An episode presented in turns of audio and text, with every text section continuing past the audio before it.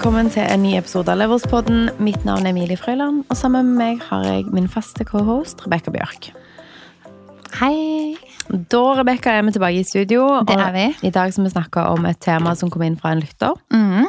Det er veldig gøy man, eh, at vi får inn spørsmål om hva dere har lyst til å høre. Ja, det er kjempespennende. Så ukens tema er noen som lurer på om man bør kjøpe for å flippe versus kjøpe for å utleie, eller kjøpe for utleie. Ja, Og om det er fordeler og ulemper med begge. det altså, vi skal diskutere er det litt i dag. Ja. Ja. Altså, altså, jeg tenker jo Først er jo kjøpe eh, for å flippe eller for å leie ut er jo kjempefine måter å Bygge egenkapital på. bygge kapital og skape en altså, ekstra inntektskilde. Definitivt. Altså, jeg føler den problemstillingen er jo veldig avhengig av hvor du bor henne, Absolutt. og kjøpspris. Sånn at eh, hvis vi tar meg og Håvard som eksempel, da. ja.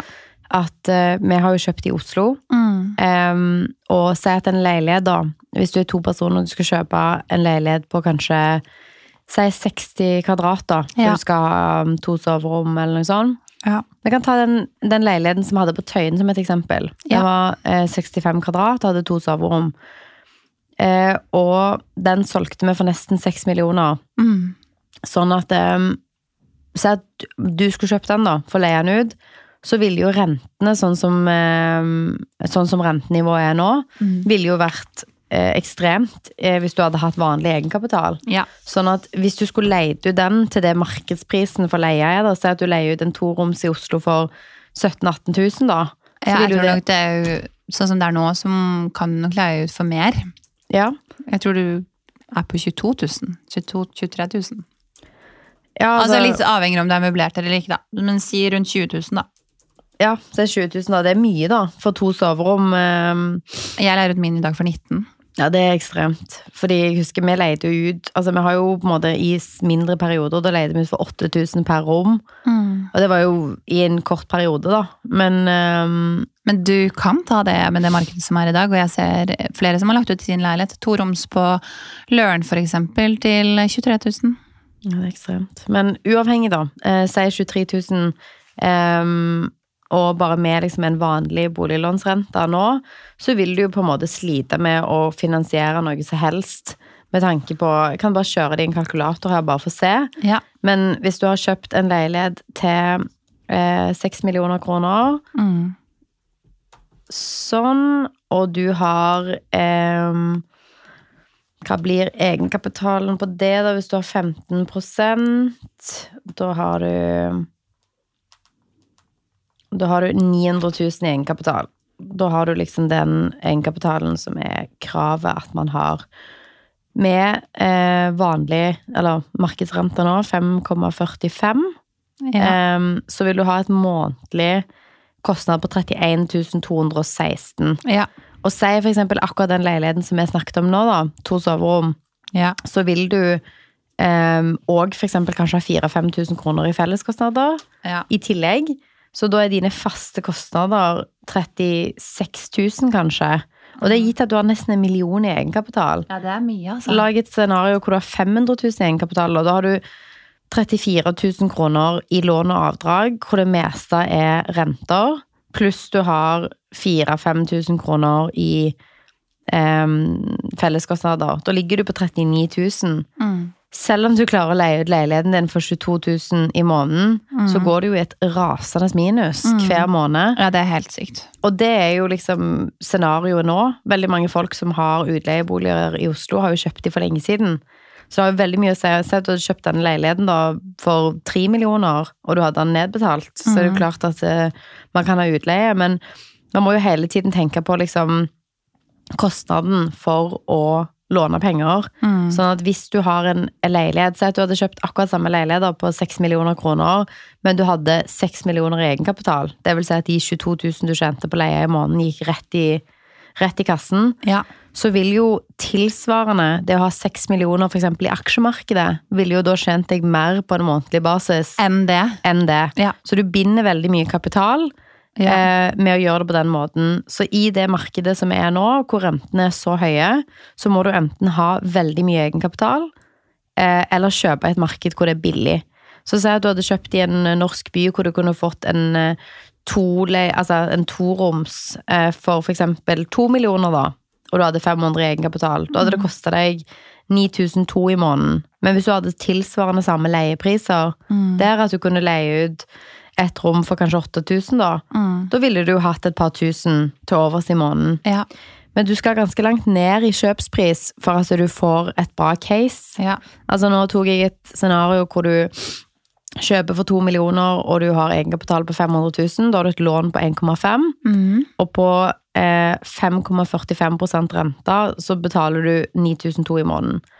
Eh, hvis du da hadde for sagt at renta var to, da, som man var veldig lenge, og til relativt nylig, så ville de kostnadene vært 6004 i måneden. Og da kunne du ha leid ut og kjent ganske bra avkastning på de pengene. Ja. Så det har vært den scenarioen som jeg har kjørt i mitt Ja. hode når jeg har valgt hva jeg har gjort. Ja. Men det er klart at liksom Hadde man vært i et rentemarked hvor det er billigere å låne penger, og prisene er billige, så er det klart at eh, det å bygge en utleieportefølje eller portefølje over tid vil være lønnsomt. Det er det veldig mange som har gjort i Oslo. Det som er ganske vanskelig med det, er jo på en måte sånn eh, Når du på en måte kjøper for å flippe, så bygger du da opp ganske mye kapital med en gang, som er lettere å på en måte reinvestere. Det tar ganske lang tid eh, hvis du på en måte kjøper en, en bolig og skal leie ut for å kunne liksom gjøre noe mer. Skjønner du hva jeg mener? Da er du ganske begrensa til det over en viss periode. da. Så Hvis du tenker på sånn langsiktig investering, så er det kanskje fint. Men jeg tror man kunne få gjort mye mer hvis man flipper For du kan jo i prinsippet flippe minst én leilighet i året. Det kommer litt an på om du bor der eller ikke, da, sånn som dere har gjort. Eller om du flipper og selger med skatt for å på en måte sitte igjen med en gevinst. Men så lenge du sitter igjen med en gevinst, så har du jo mye mer midler til å kunne være fleksibel og gjøre noe. Uten at du sitter igjen med så lite som du gjør nå med tanke på rentene. Det er sant. Men så har du jo folk som eksempel Morten, da, som har hatt på podden her, som har bygd seg opp til Ja. 50 leiligheter, eller hva han har. Ja. eh, som er fantastisk. Og han har jo liksom kjøpt oppussingsobjekter og fiksa de opp og leid de ut. Ja. Og så har han belånt verdiøkningen og finansiert neste prosjekt. Mm. Eh, og på den måten fått liksom volumet du trenger for å tjene mye penger på eiendom. ja. Em, og med de rentekostnadene som er nå, så er jo en sånn portefølje mye dyrere. Men det er jo definitivt måter, og han kjøper jo òg i mye mer kostnadseffektive områder. Kjøper du på Sørlandet, hvor det koster mye mindre å kjøpe en leilighet, eller for eksempel for meg, da, hvis vi skulle kjøpt i Stavanger, så kunne vi kjøpt tre boliger i Stavanger for det vi kjøper én leilighet for i Oslo, og så er ikke leieprisene sånn veldig mye mer i eh, Oslo. Og det er klart at det er en mye bedre case for utleie hvis vi hadde holdt på i Stavanger, eksempel. Mm. Så for oss eh, så har det vært én faktor, og faktor nummer to handler jo om at eh, vi har ikke hatt noe egenkapital når vi starta. Vi har måttet bygd oss opp, så hvis vi skulle ha eksempel hatt en leilighet sjøl eh, og flippa til vi hadde nok til at vi kunne ha en sekundærbolig, og så hadde vi leid ut den, da hadde du stoppa der. Da hadde Ja. vi fått sekundærfinansiering én gang, og så hadde vi leid ut. Ja. Og så måtte casen med de rentene det er nå, vært at på sikt så vil den leiligheten gå opp mye verdi. Ja. Mens hvis vi ønsker å øke egenkapitalen vår markant, da, så må vi jo på en måte kjøpe og selge eh, mer frekvent for å kunne bygge oss opp egenkapital. Ja. Så når vi er i den fasen, hadde jeg hatt ti millioner på bok, og kunne på en måte kjøpt utleieleiligheter og vært sånn Nå kjøper jeg denne, så skal den stå i 20 år. Mm.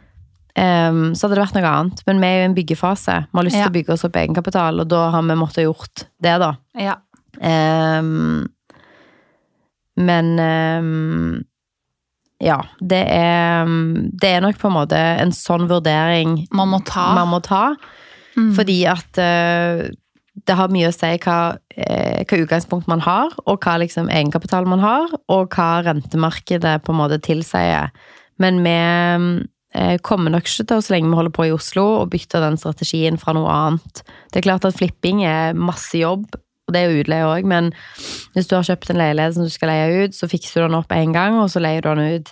Ja. Mens uh, flipping er mye arbeid. Det er mm. veldig, veldig, veldig mange timer med hardt, hardt arbeid. Det er liksom det. Og da så tror jeg også at det med flipping, da, at man burde Altså, man kan, alt kan jo læres, på en måte. Ja. Men da burde man også vite litt hva man går til, tenker jo jeg. Fordi det krever veldig mye av en sånn hvis man ikke vet hva ting koster, så tror jeg man kan få noen, seg noen overraskelser. Du må kjøpe riktig da, når du holder på med flipping. Ja. Og det er sånn at hvis eksempel en tidligere leilighet vi har hatt, så kjøpte vi for 4175, og den var 65 kvadrat. Det er et par år siden i Oslo. Og så brukte vi 400 000 på å pusse den opp, og solgte Ja. den for nesten seks. Eh, og det var jo masse arbeid bak det, men du sitter jo igjen med en veldig bra fortjeneste på et eh, salg, og så har Ja. du måte, kan du selge eh, Du kan selge mm, skattefritt, som Ja. er en kjempe kjempegevinst. Ja, og det er jo Altså Hvis man klarer å gjøre det riktig, da, på en måte. Men sånn Ja. Men Eh, Sorry, nå avbryter jeg. Nei, bare si det du skulle si. Da sitter man jo igjen med nesten 1,2 millioner på et år som er skattefritt. Mhm. Og det er jo klart at liksom Hvis du har gjort det ved siden av jobben din, og du klarer å gjøre det et par ganger, da, det er jo dritslitsomt. Og vi gjorde jo dette i korona, Ja. som gjør at det ikke går på bekostning i så stor grad av andre ting. Ja. Men hvis du eh, klarer å gjøre det, Ja. og nå, det er først nå egentlig at jeg føler at vi har hatt sekundærfinansiering i et år, ja. og vi har ennå ikke brukt den på noe annet enn det vi skal bo i sjøl. Med mellomfinansiering og sånne ting. Men det er først nå jeg føler at nå bor vi i en leilighet vi har lyst til å bo i lenge. Som Ja. er stor nok, som har det vi trenger. I det området vi har lyst til å bo i. ja. Eh, og nå kan vi liksom kjøpe noe som vi ikke skal flytte tingene våre inn i. For Ja. det elementet der, Ja. å dra alt du eier, ned fire etasjer, opp fire etasjer Alle valgene der inne skal være ting som du på en måte ja. ja, du skal tenke igjennom så mye, da. At det er først nå jeg føler at vi kan gjøre den type kortsiktig flipp, da. Vi Ja. skal fremdeles bruke masse tid og energi på å lage en fantastisk fin leilighet, men du skal ikke flytte alt du eier, inn igjen. Nei, for det er jo en ganske stor påkjenning, på en måte. Å gud, ja. Står i det nå, si. Eh, Men så tenker jeg òg at eh, Litt sånn som du på en måte fortalte Morten gjorde. At han på en måte kjøper leiligheter og pusser det opp, og så eh, leier det ut. Så der er det på en måte en kombinasjon av det med flippe og utleie. Mm. Og så tenker jeg jo at Nå kommer det jo litt an på hvordan situasjonen man er i også. Om man eh, kan bo et annet sted mens man pusser opp, det er jo litt key. Litt sånn Mm. livssituasjonen man rett og slett står i. fordi hvis man Det er et helvete å bo i et oppussings... Å gud, ja. Rett og slett. Og liksom litt om man kan stå i det. Og så tenker jeg jo at hvis man er så heldig at man klarer å kunne bo et sted mens man renoverer et annet sted, så kan man jo evaluere da, hvor på en måte hurtig man vil gjøre prosessen. At kanskje man kjøper et sted, pusser det opp, og så leier det utover en, en periode, og så kanskje man selger det. Eller at man kjører en flipp, bygger seg opp litt kapital, og så kjøper man et sted som er større men med gode utleiemuligheter også. For jeg tenker jo, det kommer jo litt an på hva man kjøper også. at Her er det jo liksom, er det et sted som Nå tok jo du litt i forhold til rentene og hvor mye ting koster. Og så er det jo selvfølgelig Man er ulike steder i landet. Eh, man er, har ulike steder med behov. sånn I storbyene og sånn, så vet man at det er masse studenter, f.eks. Det er manko på små boliger. altså det er vanskelig nå for eksempel, i Oslo å finne gode utleieleiligheter, så man kan jo også gjøre god gevinst på, på en måte kanskje leie ut i et marked hvor det er altså mangel på boliger. Men det er ganske ekstremt, fordi Ja. sånn, den leiligheten som jeg bodde i tidligere på Grünerløkka, Ja. eh, der tror jeg vi hadde vår break-even på det lånet med felleskostnader var rundt 12 000. Ja. Så hvis vi hadde leid ut den leiligheten, Ja. eh, for eksempel for 12 000 da, Mm. Så hadde vi gått i null. ja. Mens nå så ville jo ikke det dekket renten engang. Nei. Og det er jo det som setter det liksom litt i perspektiv, at sånn For folk som er høyt belånt, og som de fleste er Ja. um, på leiligheter, så vil det på en måte være veldig vanskelig å lage et scenario hvor utleie funker. Ja. Og jeg prøver å lage utelukkende Altså, jeg har ikke gått gjennom alt det stresset som både utleie og alle de tingene for å gå i minus. Eh, Spesielt ikke når store deler av det som du har i faste kostnader i måneden, er renter. Nei. Det er bare kostnader av å låne penger. Mm. Sånn at em, for min del så gleder jeg meg veldig til nå at vi blir skikkelig ferdig. Nå bor vi jo i leiligheten vår, Ja. eh, og akkurat i dag så blir kjøkkenet ferdig, Mm. og badene blir ferdig, varme på strøm, eh, alt blir satt opp. Mm. Så skal gulvet behandles en gang til i morgen, og så etter det så er vi liksom, da venter vi på ei benkeplate, men da er vi ferdig. Ja. Og det føles veldig bra, og det betyr at vi på en måte kan løfte blikket litt for å finne en leilighet som har alle de kriteriene vi trenger, hvor vi kan gå inn og pusse opp. Men du vet hvordan det er når du pusser opp din egen leilighet, spesielt når du Vi er jo interiørdesignere. Du vil hele tiden gjøre den mer enn det den var sist, selv om den var fin sist. Fordi du har lyst til å fornye deg, og du har lyst til å på en måte skape noe nytt. Mm. Så for oss så leide vi til et godt objekt som er sliten og trenger en, eh, en ny finish, men hvor vi på en måte slipper elementer av å flytte alt vi eier. Ja. Jeg tenker jo Du har jo utelukkende valgt eh, å kjøpe leilighet for å flippe, og tenkt at det har vært liksom Det har jo vært den eneste muligheten jeg har hatt òg. Og Ja. det er jo viktig å påpeke at eh, hadde jeg hatt 15 millioner på bankkonto, så hadde Ja. jeg sikkert drevet med utleie når jeg kunne kjøpt billigere leiligheter i Oslo. Ja. Men hvis du har null i egenkapital, som jeg vil anta at manges utgangspunkt er, ja. så har du ikke den luksusen til å leie ut. Nei. Jeg tror hvis jeg skulle starte på null i dag, så hadde jeg kjøpt en leilighet til meg sjøl med ett ekstra soverom. Eh, Det spørs jo selvfølgelig på alderen din, men driv heller med den utleien som du kan gjøre skattefritt. Fordi leier du ut en leilighet, så betaler du skatt på de leieinntektene òg. Så i tillegg til at du ikke går i null med rentene dine og felleskostnadene, så betaler du jo skatt på at du leier ut. Ja. Sånn at eh, du kommer jo i en posisjon nå hvor det nødvendigvis ikke er I hvert fall ikke lønnsomt med så dyre leilighetene er i Oslo, da. Nei. Eh, Jeg tenker jo også at eh, vi kan gjøre litt sånn fordeler og ulemper med flipping og fordeler og ulemper med utleie. Ja. Eh, Så det var et av spørsmålene også. Så tenker jeg vi kan begynne med det å kjøpe for å flippe. Ja. At vi diskuterer eh, fordeler og ulemper med det. Ja. Så jeg tenker fordelene først og fremst er jo at eh, du på en måte kan lage det utgangspunktet du selv tenker at det er, er gunstig. At hvis man har litt øye for det og på en måte kan se på en måte, måte for å øke verdi, så kan mm. du eh, gjøre noen altså sånn, du, sånn som du har gjort, endra planløsning, gått inn og på en måte bygd et ekstra soverom, sånne ting som gjør at du fort kan øke verdien eh, i et eh, altså kjøpsobjekt. Ja. Det er jo en av fordelene ved å flippe. Mm. En, en ulempe ved å flippe er jo at det krever ekstremt mye timer og energi, spesielt kanskje hvis man må gjøre en del selv, som jeg tror veldig mange gjør i starten. Fordi så lenge du ikke, som du sier, hvis ikke du har 15 millioner på bok og Ja. kan eh, sette bort alt, så er du jo liksom avhengig av å gjøre en del selv. Og det er jo veldig mange av de som driver med flipping, gjør jo nettopp dette for å på en måte spare kostnader ved å kunne gjøre selv. En av mine beste kompiser har har pussa opp og flippa en leilighet, og han sparte jo masse penger fordi han har jobba som snekker tidligere, så du kommer deg unna med en del gratis arbeidskraft som du ikke trenger å sette ut til noen. ja. Men det tar tid. Jeg føler at det er viktig å påpeke at sånn, ja, du gjør mange ting sjøl, eh, men òg liksom det at sånn, i den leiligheten vi holder på med nå, så har vi revet sjøl.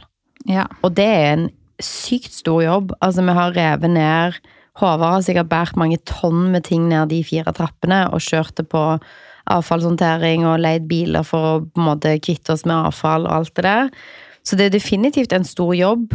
Um, uh, uten tvil. Mm. Men um, nå har vi jo outsourca alt annet.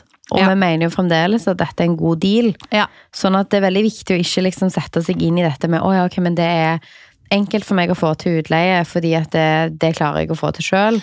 Man trenger ikke gjøre alt sjøl. Nei, og jeg tenker jo det er jo liksom en ting man kanskje du har gjort en erfaring med, da, er at du vet hvor lang tid det tar, og hva ting koster, og det er noe du på en måte, en kunnskap du har bygd opp over tid fordi du har gjort det her et par ganger. Kontra i starten når man tenkte at det lønte seg å gjøre alt sjøl. Så jeg tenker at sette deg litt inn i på en måte hva du kan og bør gjøre sjøl, og kanskje forhøre deg litt med noen. Jeg Ja. tenker at eh, utgangspunktet her em, er jo litt relevant med tanke på hvor mye du kan og hvor mye du ikke kan Ja. og hvor mye du på en måte klarer å gjøre selv. Og jeg skulle pusse opp min leilighet og tenkte jeg kunne gjøre en del ting selv, og så fant jeg ut at shit, burde kanskje hatt folk på det, og så ble det dyrere fordi jeg måtte ha noen til å komme og avrette det gulvet. Eller komme og legge det gulvet. Så Ja. jeg tenker jo det er også sånne ting man på en måte Det kan være dyre feil, da. Um, så igjen kommer du tilbake til liksom marginen her. At man uh, Ja, fordelen med å flippe kan være at man kan tjene mye på det. Ulempen kan være at man kan ikke tjene så mye på det hvis man gjør noen feilberegninger og tar vann over hodet. Jeg tror at hvis, eh, hvis man vil gjøre alt sjøl, så har man masse penger å spare på det hvis man klarer å lære seg ting. Og jeg tror det er noen ting som du vet at du kan, f.eks. det å Um, male. Det kan de aller fleste lære seg. Det å kvitte seg med avfall. Eh, det å lære seg eh, å rive. Ja. Eh, der har du liksom spart ganske mye penger, og så kan man sette en strek med det og si at det er det jeg skal gjøre sjøl. Ja. og så finner du folk til å gjøre de andre tingene. Så ikke start med sånn som jeg har gjort nå. Ikke start med et eh, 100 kvadrat pluss hvor du skal liksom rive og restaurere hver centimeter. Nei. Gå heller for noe hvor du er sånn Her er det et kult utgangspunkt. Eh, jeg har lyst til å em, Jeg har lyst til å bytte frontene på kjøkkenet, og så vil jeg bytte gulv. Det er ganske overkommelig å gjøre sjøl. Ja. Eller å betale noen til å gjøre. Så er det 30 000 i å montere nytt kjøkken, Ja. og eh, 30 000 i å legge nytt gulv. Ja, jeg okay. tenker det, er, det er et veldig godt tips. da, At man trenger jo ikke å kjøre, rive alt ned eh, på starten. Man kan gjøre noe som er litt sånn lett, altså ikke lettere, men overflateoppussing, eksempel, som du sier. Definitivt. Ting som er lettere å gjøre. Eller ja, i gåsehudet lettere å gjøre.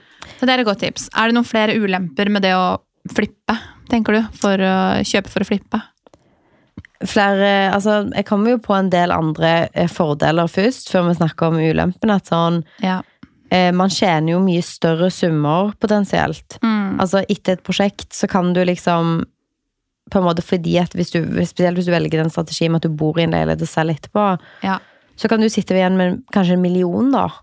Og det er skattefrie penger. Jeg Ja. tror ikke at jeg klarer å finne ut en annen måte man kan gjøre det på. ja.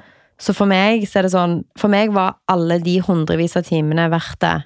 Fordi at du satt igjen med noe som virkelig kan endre livet ditt på sikt. ja. Eh, og hvis du har gjort det for eksempel hvert år i fire år, da, og du har vært heldig, og du har vært i et marked sånn som har vært nå, og du har vært lur med hvordan du bruker pengene i budsjettet, Mm. så er det fire millioner, på en måte. ja. Og det er mer penger enn folk tjener på lang, lang tid. Det, det gjør en veldig stor forskjell i hvordan du kan leve livet ditt. Det gir deg veldig store muligheter til å starte for deg sjøl, til å gjøre prosjekter du har lyst til, ta mye mer frihet i økonomien din. Absolutt. Så for meg er det sånn, jeg klarer ikke å tenke på en større fordel. For meg er det helt utenkelig å liksom sånn Alle de hundrevis, sikkert tusenvis av timene er verdt det, da. Ja. Fordi at jeg hadde ikke en annen måte å få det til på. Mm. Så det at du får større utbetalinger én gang, og at du kan reinvestere og investere i andre ting mens du selger, Ja. det er en kjempestor pluss. Ja. Eh, og det at du liksom får en fin plass å bo i tillegg. Det er veldig sant. Så jeg tenker jo en annen ting også. Nå føler jeg at jeg kommer med ulempen her. Mm. Men hvis man tenker litt på hvordan markedet har endra seg også, eh, og jeg tenker jo at det her igjen jo, henger jo litt sammen med hvordan type bolig man kjøper. Ja. Om man kjøper et hus eller en leilighet, om det er i by eller på landet. Men markedet nå har jo endra seg. Det er vanskeligere å selge bolig nå Ja. enn det det var for et år siden. Det er fortsatt behov for eh, boliger. Folk kjøper og selger boliger. Men jeg tror at eh, det kommer litt an på tiden man går inn i det, det på. fordi man kan, nå kan man gjøre noen utrolig gode kjøp. Fordi det er vanskelig å selge. Um, ting tar litt lengre tid, og, og boligene altså sånn, Før så kunne man altså nesten selge med garanti. Nå har folk liksom ikke så stor kjøpekraft fordi ting er dyrere, det er vanskeligere å få lån. sånne ting. Så jeg tror at man også må tenke at hvis man pusser opp noe og forventer en sum, at man nå er det et vanskelig marked å selge i, at man må også tenke litt på det. da. Mm. At hvis du tenker at jeg må selge for si fire, millioner for å tjene noe penger, Ja. men er det realistisk i det markedet? At du må også analysere markedet litt. Ja. Og liksom, ok, jeg kjøper en leilighet nå, hvordan kommer markedet potensielt til å se ut om et år? Ja. Fordi kjøper du og selger til samme marked, så kanskje er det greit, men går det ned, går det opp? Altså vi vet jo at det å investere i bolig har alltid egentlig lønt seg over tid. Um, så jeg tenker at det er også en ting man også må tenke litt på, da. Vi har jo hatt tilfeller på folk vi kjenner som har kjøpt flippeobjekter, eh, tenkt at de skal tjene masse penger, brukt masse tid, og så har de ikke fått den summen de har ønska seg. Og det har jo nødvendigvis vært et marked sånn som nå, men jeg tror at du må Du har jo på en måte du har jo ikke noe garanti aldri for hva leiligheten vil selge for, men hvis du har en litt, litt innsikt i markedet, hva cirka tilsvarende leiligheter går for, Ja. litt i standard og sånn, så tror jeg det også kan hjelpe deg litt på vei med å på en måte estimere verdien på leiligheten, og hvor mye du bør bruke, da. Definitivt. Altså sånn, jeg vil jo si at de gangene jeg har kjøpt eh, de gangene jeg har kjøpt leilighet, så har jeg jo kjøpt og solgt i samme marked, men fremdeles på en måte vært heldig med salgstidspunkt og kjøpstidspunkt. Selv om det på en måte har vært harde tider Ja. og overskrifter som sier at nå er liksom toppen er nådd, eller sånne ting, så har man Det er alltid gode dealer å Ja. få hvis du på en måte er litt fleksibel på, eh, 100 på Og det å bruke litt tid på å lete. Ja. Um, Jeg tenker jo også sånn som du sa, at hvis um, Eller det å ja, bruke litt tid på å leite. Du kan, du kan jo også gjøre noen kupp nå, ikke sant? Du kan finne noen gode, gode leiligheter. definitivt Fordi det at er et tøft marked, og noen kanskje må selge. Så det er jo en ting. Har du noen flere fordeler eller ulemper med det å flippe? Um, ulempene er vel kanskje at det er en del mer fysisk jobb. Du Mm. blir tvunget til å lære deg en del ting som du på en måte Hva kan man si? Eh, du, du blir veldig satt på prøve, da. Det er veldig mange ting som kan gå galt. Eh, det er veldig mange ting som eh, kan være veldig annerledes enn det du tror. Ja. Det er veldig tidskrevende. Ja. Ehm, og man er aldri på en måte, Du er ikke garantert noe. altså Leier du ut leiligheten din, så vet du jo på en måte at eh, ok, det er en person som har leid her et år, du kommer til å få leie. Men eh, med bol altså flipping, da, så vet du jo aldri. Er uheldig, jeg? Er heldig? Er det folk som kommer på visning? Er markedet bra nå? Du er liksom ikke Du er ikke garantert noe, da. Nei, så jeg tenker jo det er veldig gode poenger.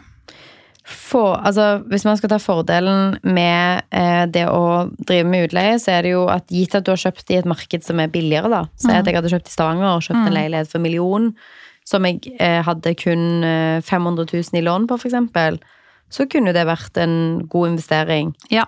Ehm, hvis jeg tenkte langsiktig. Fordi at den hadde cashflow nesten med en gang. Så Ja. er du i et sånt marked, så er det jo Du får jo inn en ekstra inntektskilde. Ja. Eh, og du kan bruke den utleieboligen til å kjøpe flere utleieboliger hvis du klarer å på en måte oppgradere de utleieboligene du har. Så det kan være et stort pluss. Og så har du jo forutsigbarhet. Du har jo mye mer på en måte kontroll over hva som kommer til å skje. Ja. Fordi at du har utleie, du har lengre kontrakter.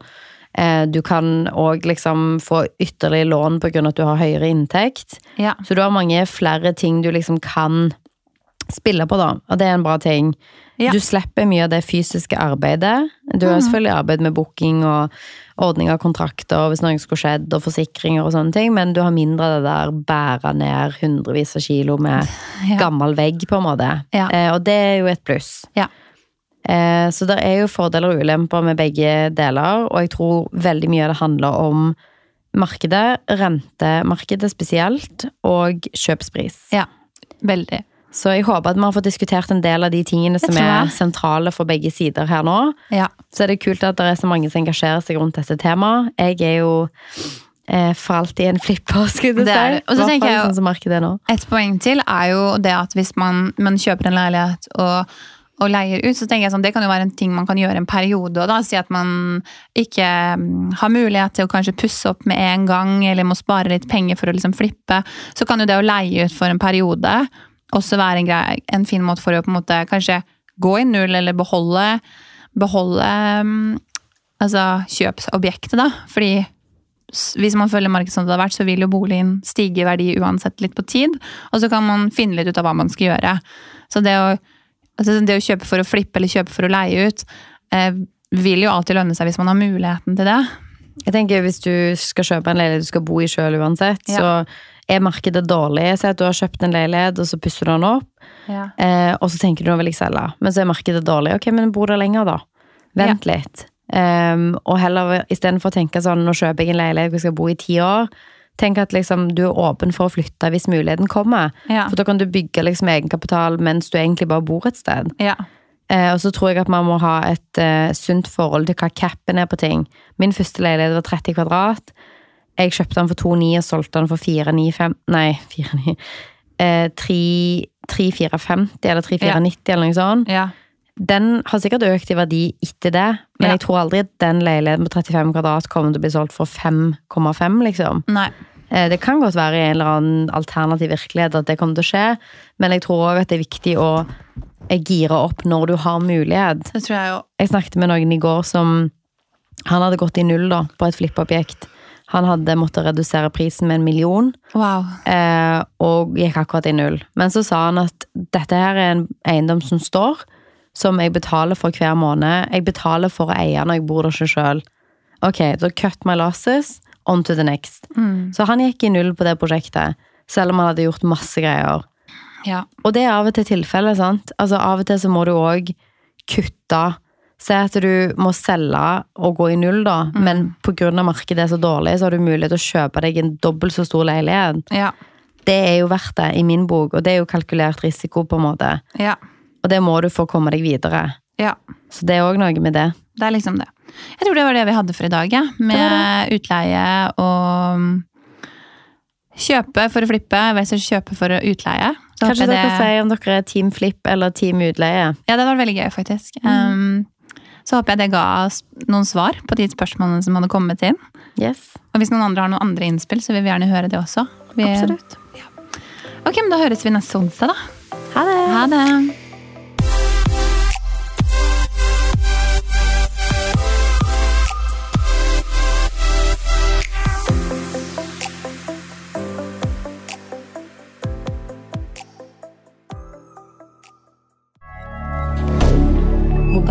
dire.